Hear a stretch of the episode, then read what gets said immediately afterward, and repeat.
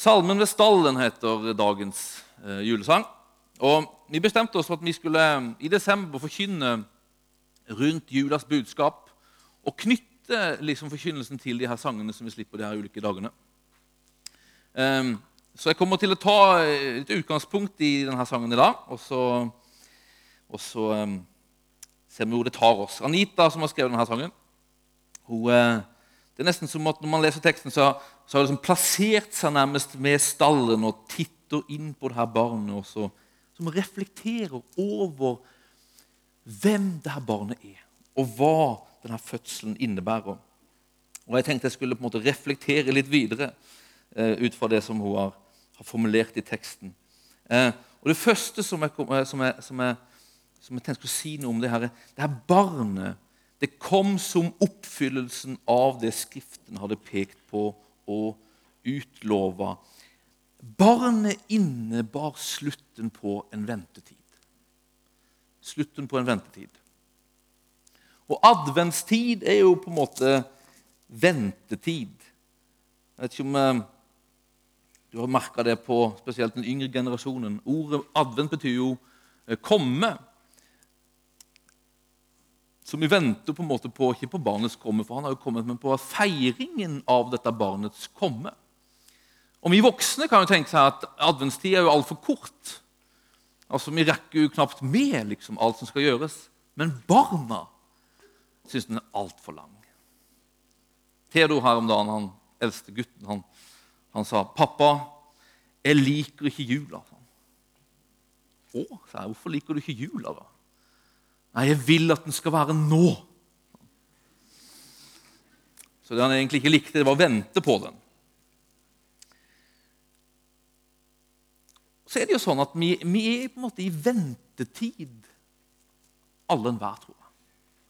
Altså, Nå venter vi på jula, men, men vi venter òg, tror jeg, alle enhver på ting i livet vårt.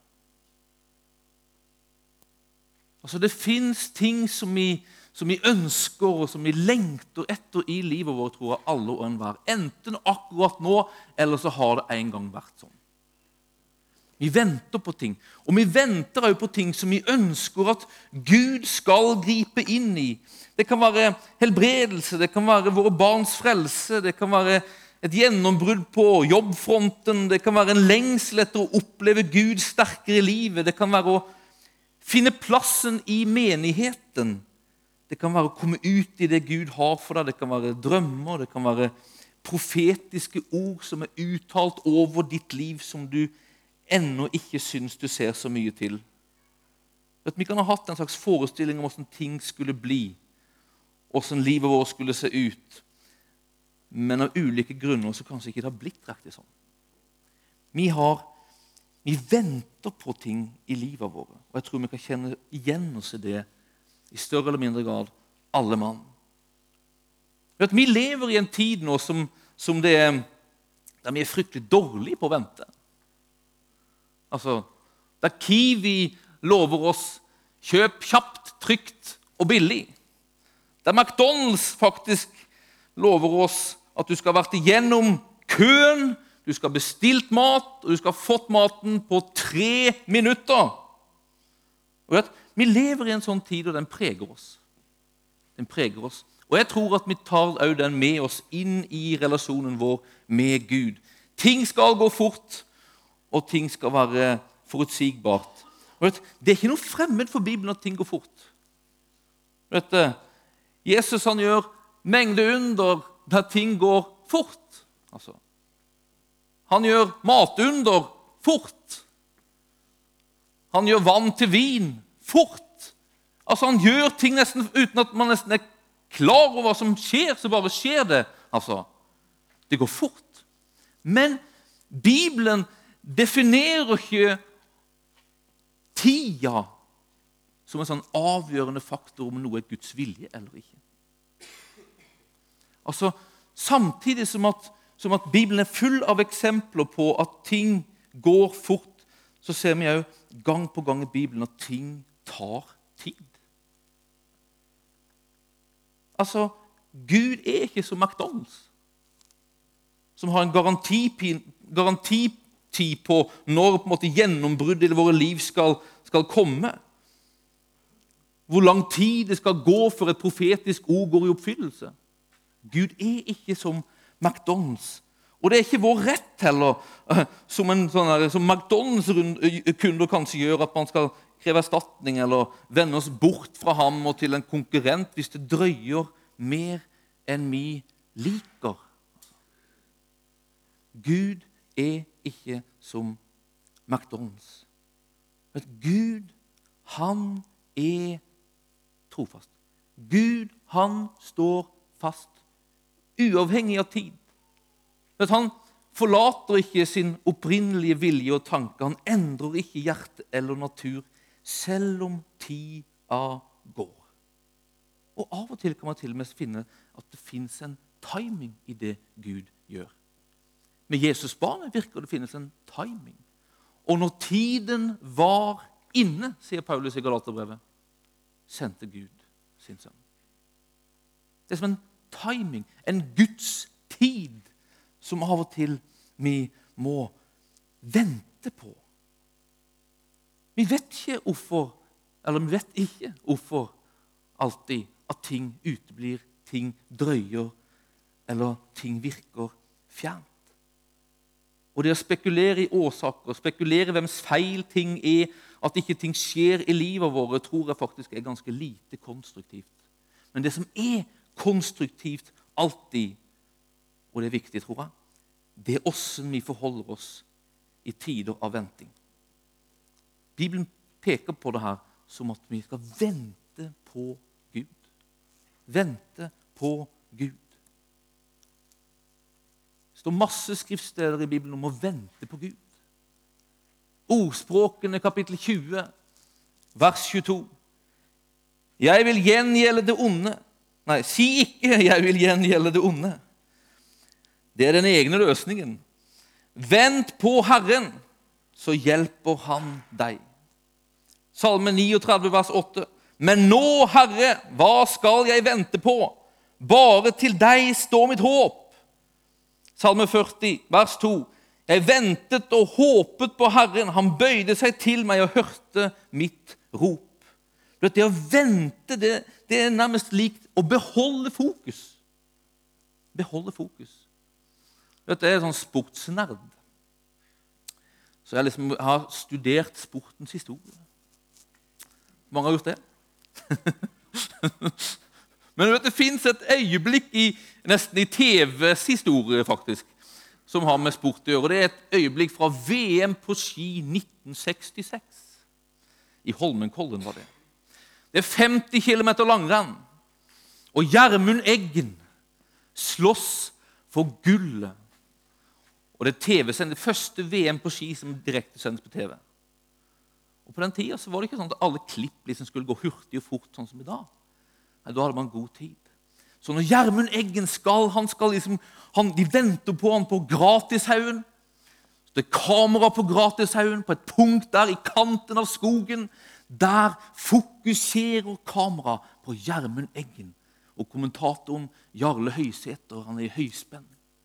'Gjermund, nå må du komme! Nå må du komme!' Ja, han kom jo ikke riktig. Og Han hadde ganske god tid faktisk, før han måtte komme, men kameraet var klart. Et kamera står og filmer det ene punktet i ett og et halvt minutt. Jeg kunne ikke ha det med her engang. For Det tar en evighet lang tid å sitte og se på, en, på et klipp i ett og et halvt minutt. Det skjer ingenting annet enn at man venter på Gjermund Eggen. Etter ett og et halvt minutt så kommer han. Og vet du hva? Rett før liksom, han kommer, så er det som at kameramannen liksom, nå må vi finne på noe annet. Så han begynner å flytte kameraet litt. Men så kommer han, og så rekker han bare liksom å dirre tilbake. Og så kommer han dirre sånn. Og der kommer han, der kommer han! Men ett og et halvt minutt. Fokus, venting. Der var tiden inne. Der kom han. Du vet, Vente på Gud, det handler om å beholde fokus. Det handler om å beholde blikket på Han, selv om det som du har en forventning og en lengsel og håper på, ikke kommer. Ikke kommer. For det betyr ikke at det aldri kommer. Hvis Gud har sagt, hvis Gud har lovt, så er ikke tida et, en faktor. Men har Gud sagt, og har Gud lovt, så kommer det. Da kommer det. For den som venter på ham. For den som venter på ham.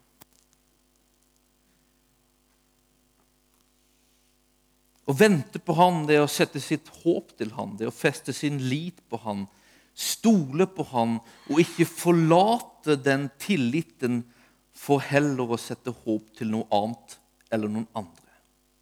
Det er som at denne tilliten er det Gud er avhengig av for å få være Gud på den måten han vil i våre liv. Abraham var en sånn mann.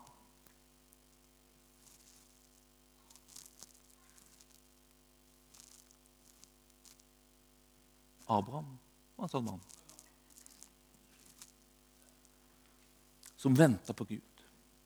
Det står i Hebrebrevet at han var en sånn mann som gjennom tro og utholdenhet fikk det som var lova ham.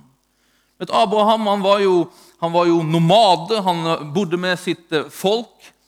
Og eh, Gud kom til Abraham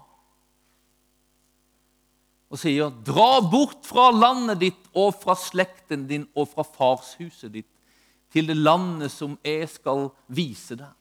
'Jeg vil gjøre deg til et stort folk. Jeg vil velsigne deg.' Og Herren sa til Abraham, 'Dra bort fra Ja. Sånn. Vi får stoppe, da. Den begynner på nytt igjen. Interessant. Men dette var løftet. Dette var kallelsen Gud hadde på Abrahams liv. Dra ut. Jeg vil vise deg, gi deg et land, og jeg vil gjøre deg til et stort folk. Og Det var et stort steg for Abraham. Dels var han jo ytterst gammel. Han var 75 år når dette skjer. Og eh, Det var et stort steg på denne tida å forlate slekta. Man hang sammen, helt enkelt. Man flytta rundt, hang sammen. Og Det var knytta til sikkerhet, det var knytta til forsørgning det var til altså, sånne vesentlige deler i livet som man hadde sammen. Det var et stort steg for Abraham, og det var et stort steg for hans familie å gi slipp på ham. Men Abraham han gikk. Og jeg tenker så her at Det er ikke sikkert at dette var så vanskelig sånn i begynnelsen. Du vet, Han, han tenkte seg han, var, han har møtt Gud. Han har hørt hans stemme. Han er maks inspirert. Han, han, har, han har, hørt at, at, Gud har lovt han et land, han har lovt at en slekt. Man kan tenke seg at Abraham han går og, og tenker seg at Wow, Gud har sagt, Gud har lovt. Nå har jeg det snart. Det er bare å vandre en strekning, så har jeg det. Han kanskje til og med tenkte seg her at min hustru hun har jo ikke fått noen barn, men hun er sikkert gravid allerede. For Gud har sagt Abraham gikk. Han kom til landet som han var, skulle gå til og finner det opptatt. Hustruen Sara blir ikke gravid. De prøver og prøver og prøver, helt sikkert. Ingenting skjer. Plutselig så kanskje ikke det er så enkelt lenger. Plutselig begynner spørsmåla å komme. Hvorfor flytta jeg fra folket mitt? Gud, hvor er du? Hvorfor skjer ingenting? Hvorfor føles det som alt er stengt? Blir det noe i det hele tatt? Kanskje kom liksom følelsen av en slags skam, av skyldfølelse overfor sin egen familie. Han hadde satt sin egen familie i fare. Og tenker mine folk om meg nå? En slags opplevelse å ha dritt på draget og mislykka. Altså, det er så mange sånne spørsmål som man kan tenke seg at Abraham kjempa med, som snurra, og som lett kunne få han til å flytte fokuset bort fra den Gud som han opplevd hadde talt, og til andre ting. Og Det er ikke sikkert at det, det er sånn at noen av oss har på en måte tatt de her radikale stegene som det her. Men jeg tror at mange av oss kjenner at vi har områder i livet vårt der vi har satt vårt håp til Gud, og der vi venter på Hans hjelp, og der vi venter på at Han skal gripe inn. Ting som vi ber over, ting som vi lengter etter. Områder der vi kjenner at tida går, og det tærer på at vi ikke ser noen forandring, eller at vi ikke engang kanskje kjenner at Gud er der. Hvor lang var Abrahams ventetid? Det var ikke én uke eller ni måneder. Det var 25 år. 25 år gikk det for kallelsen om at han skulle bli et stort folk, til at Abraham fikk den sønnen som var utlova. Det var 25 år av ventetid på Guds løfte. Hva er det som kjennetegner Abraham i denne tida? Hva er det som kjennetegner Gud i den tida som Abraham venter? Det som kjennetegner Gud i Abrahams ventetid, det er at han er trofast. Han er trofast. Vet, Abraham, han, det, det, det her naturlige som vi tenker, som kanskje vi sjøl har erfart at Hvorfor kommer det ikke? Og så begynner vi å så tvil om at Gud har sagt det. Og så begynner vi å stille spørsmåla, og så begynner man å tvile. Og så begynner man å vende blikket i andre retninger. Det skjer med Abraham. Men flere ganger når Abraham kommer til Gud og stiller spørsmål om hvorfor, hvor er du, hvor blir det av, hvor blir du av? Så skjer det samme. Gud kommer, og Gud taler. Men taler ikke noe annet. Han sier ikke 'Oi, jeg glemte klokka'. Ja, 'Nå får vi finne på noe annet, Abraham. Nå har jo tida gått. Nå er du for gammel, Abraham.' Han blir heller ikke irritert og overgitt og sier 'Du har jo ingen tålmodighet'. Det kan jo vi bli. Jeg husker jeg, jeg hadde jeg, jeg jobba på, på SFO i Sverige. Det var lett å miste tålmodigheten. Da hadde jeg lært de barna at jeg, jeg, kunne fylle på tålmodighet. Det var noe jeg sa. Jeg kan jo ikke det. Så satte jeg fingeren i øret deres og lekte liksom at det var en bensintank. Liksom. Så gjorde jeg sånn dun, dun, dun, dun, dun, dun, dun, dun, dun, dun, ding! Så, Nå er det fullt. sa han. Og de virka som de trodde det. Så de gikk derfra. Helt annerledes enn når de kom. Men Gud hadde på en måte ikke noe sånn Det var ikke det han kom med. Han kom til Abraham. Han kom og gjentok det han allerede hadde sagt. Abraham, jeg står for mitt ord. Abraham, det her er fortsatt mitt ord til deg. Han var trofast. Og Han beviste til med sin trofasthet ved at han inngikk en pakt med Abraham. Du vet, På denne tida så, så inngikk man, man, pakter. Og det var på en måte en slags, en, man, man, man, inngikk på helt, en, en slags bindende avtale som man kunne gjøre i spesielle relasjoner.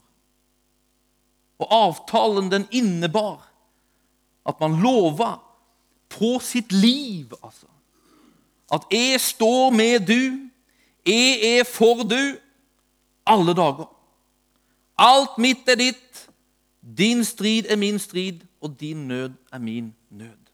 En sånn pakt inngår Gud med Abraham. Gud er trofast i Abrahams tid av vente. Men klokka virker ikke å være en sånn faktor. Det kommer, det kommer, det kommer. Du vet, i ditt og mitt liv. Hvis Gud har sagt noe, så er han trofast mot sitt ord. Og ved troen på Jesus Kristus er du og han til og med i pakt. Ja, til og med en bedre pakt enn Abraham sin pakt. En lignende pakt som Abraham var i. Men en pakt der Gud sier 'Jeg er med du'. Jeg står med deg er for deg og er alltid med deg. Din sak er min sak, og jeg virker. Det er pakten vi har med han. Abraham, da? Var han trofast i ventetiden? Nei, ikke alltid. Han var ikke alltid like trofast.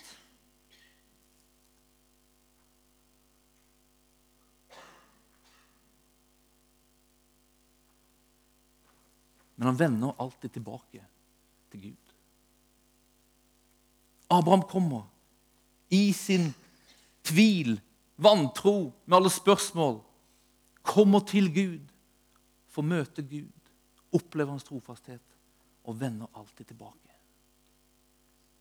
Abraham han var en som ved tro og utholdenhet fikk det som utlover var. Men hans utholdenhet det var ikke en spikrak utholdenhet der han alltid var sterk, der det alltid var lett. Han var full av liksom tvil iblant. Og han tok også snarveier iblant. Og han forlot iblant denne, denne tilliten til Gud og begynte å, å, liksom, å se på seg sjøl. Hva, hva, kan jeg gjøre? Hva har jeg til rådighet? Åssen kan jeg liksom gjøre så at det her skjer? Det virker jo som det skjer noe når jeg venter på Gud, så jeg begynner å sette, lit, sette min lit til meg sjøl istedenfor. Jeg var med Theodor i går på hos mamma, min mamma. Og han venter jo veldig på jul. Så satt, har, hun en sånn adventslysestake i sånn elektriske lys. Så tente han de tre første lysene. Ja, det er ok, tenkte jeg, for det er jo tredje søndag i morgen. Men så tente han det fjerde òg. Men det kan du ikke gjøre, sa til Theodor. Jo, for da er jo jula her. Altså, Og sånn er det av og til liksom også. Vi bare liksom gjør det, og så later det Da er det her. Men det gjelder det her. Når det gjelder jula, så går det ikke bare å tenne et lys og så late som om det er der. Vi må vente den inn. Og Sånn er det òg med det Gud vil gjøre. Det er Han som vil gjøre det. Det er Han som må gjøre det. Det er bare Han som kan gjøre det Han har i ditt liv. For ditt liv. Og vår oppgave er å vente det. Stole på ham i utholdenhet på det han har lovt. Han er trofast. Og hvis vi holder oss til han, så kommer han til å gjøre det. Så kommer han til å gjøre det.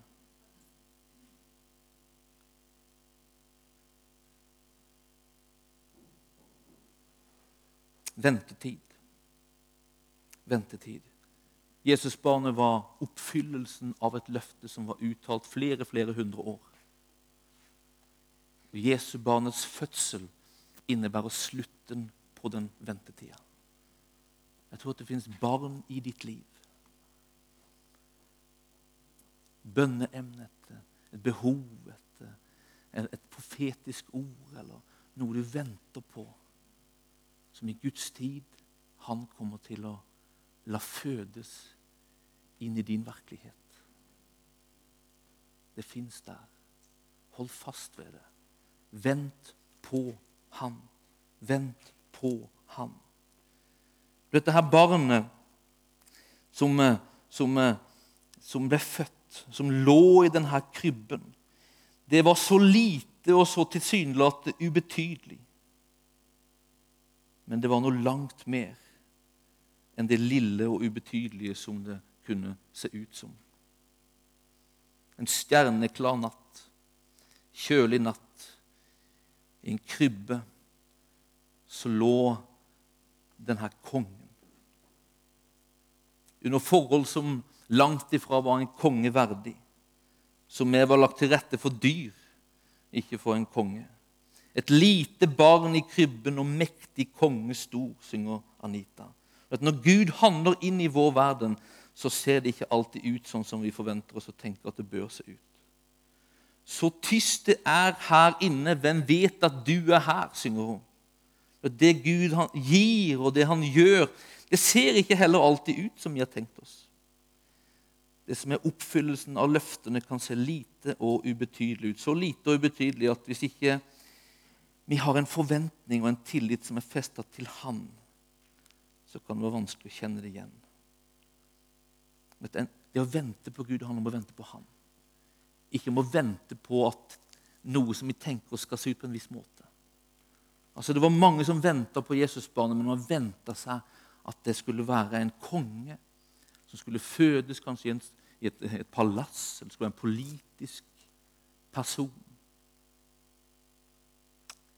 Vår, vente, vår venting skal være en venting på Han. Ikke på at det han gjør, ser ut på en viss måte. Det er lett at vi gjør det. Det er lett at vi på en måte bestemmer oss hvordan ting skal se ut, hvordan ting skal bli. og så Når det kommer, så er det nesten som vi ikke kjenner det igjen. Vet, Isak var jo på en måte begynnelsen på, på det her løftet Gud hadde gitt om, et, om å være et stort, stort folk. Jeg mener, jeg tenker Logisk da burde det være at, det her, det her, at Abraham får liksom en 15-20 barn, så han får en god start på løftet. Men det begynner med én. Én. Én. Det begynner med noe lite.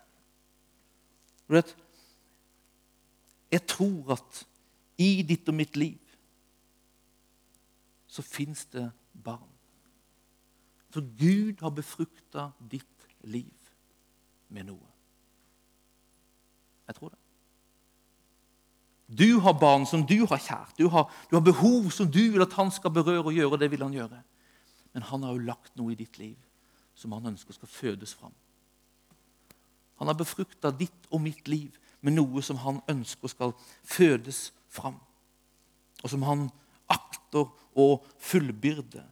Han har påbegynt noe i ditt liv som han tenker å fullføre. Og jeg tror at når det fins det, når det gjelder det her som han har lagt ned i ditt liv, som han har befrukta du med, så går vi med en slags opplevelse av at det er ingenting. At det er svakt, at det her er innbilning, at det har ikke brukende til noe som helst. Jeg tror det finnes en kamp rundt det. Det er lett at vi tenker ned det, at det ingenting er. Noe som gjør at helt enkelt vi kan dras bort fra det, slutte å vente på det. Men Gud har lagt det der, og han tenker å fullbyrde det. Og hans liksom oppmuntring, oppmaning til du, er å vente på meg. Stol på meg. Stol på meg. Og så gi meg rett når det begynner å vise seg. Det er som et barn, altså, det her. Det som Gud legger i ditt liv, er som et barn. Og aldri er født et barn. Men jeg vet at det er noe som begynner å vokse. Det begynner å vokse. Og det begynner å vokse. Og jeg tror at måten som det får vokse fram på, det er ved at vi tar vare på det. Maria fikk jo det her ordet fra engelen om at hun skulle føde en, en gutt. Og så står det om Maria at hun bevarte det i sitt hjerte. Jeg tror at den beslutningen om å bevare det i sitt hjerte gjorde at vekstprosessen fikk fortsette. Jeg tror det samme gjelder oss. Et ord, en drøm, en visjon, en lengsel. Det er noe Gud har lagt der, som han vil skal vokse fram. Og måten det får vokse fram på, det er at vi tar vare på det. Ikke forkaster det. Ikke prater det fra oss. Eller sier det kan noen andre gjøre, eller det må noen andre gjøre, for det kan skje. Bevar det i hjertet, så det får vokse. Og når det begynner å vokse, så vokser det seg snart så stort at du ikke riktig kan holde det lenger. Det er òg forstått gjelder barn. Det er problematisk å holde det hvor lenge som helst. Og så kommer veene. Det lille barnet i krybben. Det begynte der som et lite embryo. Fikk vokse. Og så kom veene. Nå skal det ut i virkeligheten. Og så begynner veene. Åssen begynner veene? Åssen er veene? Åssen ser veene ut i ditt og mitt liv når vårt barn skal begynne å fødes fram og, og, komme ut? Når Gud, det Gud har lagt der, skal begynne å liksom bli virkelighet. Veene er nærmest som at du begynner å handle på det. Jeg har forstått det sånn at man skal samarbeide med de her vennene. Stemmer det? Det er en fordel, ja. Og Man kan heller ikke forvente seg så her at Nei, jeg skal jammen ikke gjøre det her. Jeg skal jammen ikke samarbeide med noen veier. Skal det fødes noen barn her, så får det bare komme av seg sjøl. Altså, så får det bare ligge der. Altså, Det er en fødselsprosess, ikke vel? Det gjelder det Gud har lagt i ditt liv. En fødselsprosess som fødes gradvis ut og blir synlig ved at vi begynner å handle på det. Hvis du går med en lengsel etter å drive hjelpesendinger store, ønsker å hjelpe masse barn, så kan du ikke sitte hjemme og vente bare på at noen kommer med en buss og sier seg at 'Å, Herren har sagt at du skal ha en buss, og du skal, her har du masse klær, og det er bare å kjøre det ned.' Nei, det er en prosess. Og jeg tror Hvis du går med en lengsel etter å drive hjelpesendinger, så er det første steget, den første veden kanskje, at du finner noen andre som holder på med det, så du kan hjelpe dem. Det er en prosess. Men Gud ønsker oss inn i en prosess der vi samarbeider med ham. Lengter du etter å bli pastor. Du kan ikke forvente at noen kommer og sier 'Her er en menighet. Der er talerstolen. Vær så god.' For meg begynte VM å hjelpe til å gjøre kveldens hovedrett på ungdomssamlinger så begynte jeg å gjøre det. Og så begynte jeg å gjøre mer og mer andre ting i det her. Og så, så føres man inn, og så etter hvert så blir det synlig. Det som du har håpet, det som du har ant, det som du kanskje har drømt, det begynner å bli synlig for mennesker rundt deg. Og så fødes det fram det som Gud har lagt i ditt liv, på en tjenervei. På en tjenervei. Det fins barn i du Du er befrukta med noe fra Gud. Som han i relasjon med seg ønsker å føde fram. I relasjon med han. For det Gud behøver, er at vi har vårt fokus på han. At vi har en, en, en, et håp til han, en tillit til han, at han skal gjøre det. For har han oss på den måten, så har han alt han behøver. det finnes en åpen vei i livet våre. For at det han har lagt der, kan bli til. For at det han har påbegynt, kan bli fullført. Det fins en ventetid. Det fins en forberedelsestid. Fra ting er befrukta, til det blir virkelighet. Vent på Herren. Vent på Herren. Og hvis man på en måte har kommet bort fra det, hvis man har begynt å gå sin egen vei, hvis man har begynt å lete etter løsninger andre steder, hvis man prøver å finne et liv verdt å leve i andre kilder, så er oppmuntringen, oppmaningen, kallelsen fra Gud Vend om og vend hit, vend hjem. Rett blikket, fest blikket og hold det der. Amen.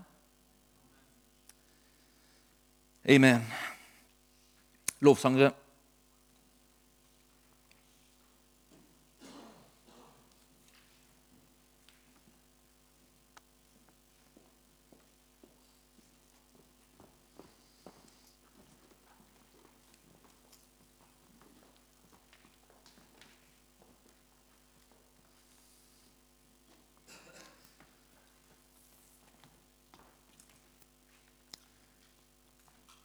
Jeg tenker at Vi helt enkelt skal, vi skal, vi skal inn i lovsang og tilbedelse. Helt enkelt, La det være en stund der vi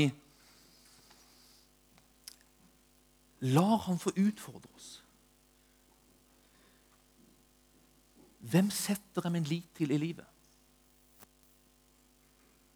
Derfor at Det er så mange ting vi kan sette vår lit til, og spesielt i vår verden. Er det Han jeg setter min lit til, eller er det mine egne evner? Er det hans ressurser jeg setter min lit til, eller er det mine?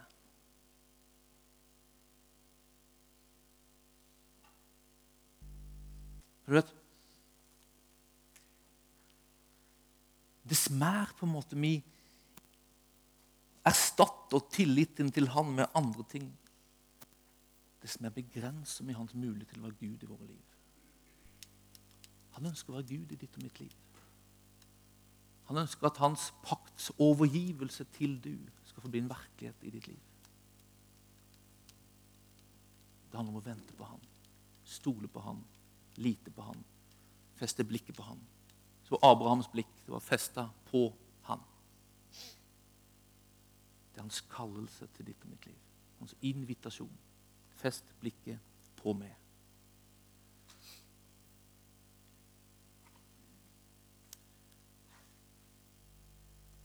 Står et bibelord i, i, salmene, i 81, tror jeg det. Så står det 'Jeg er Herren din Gud'.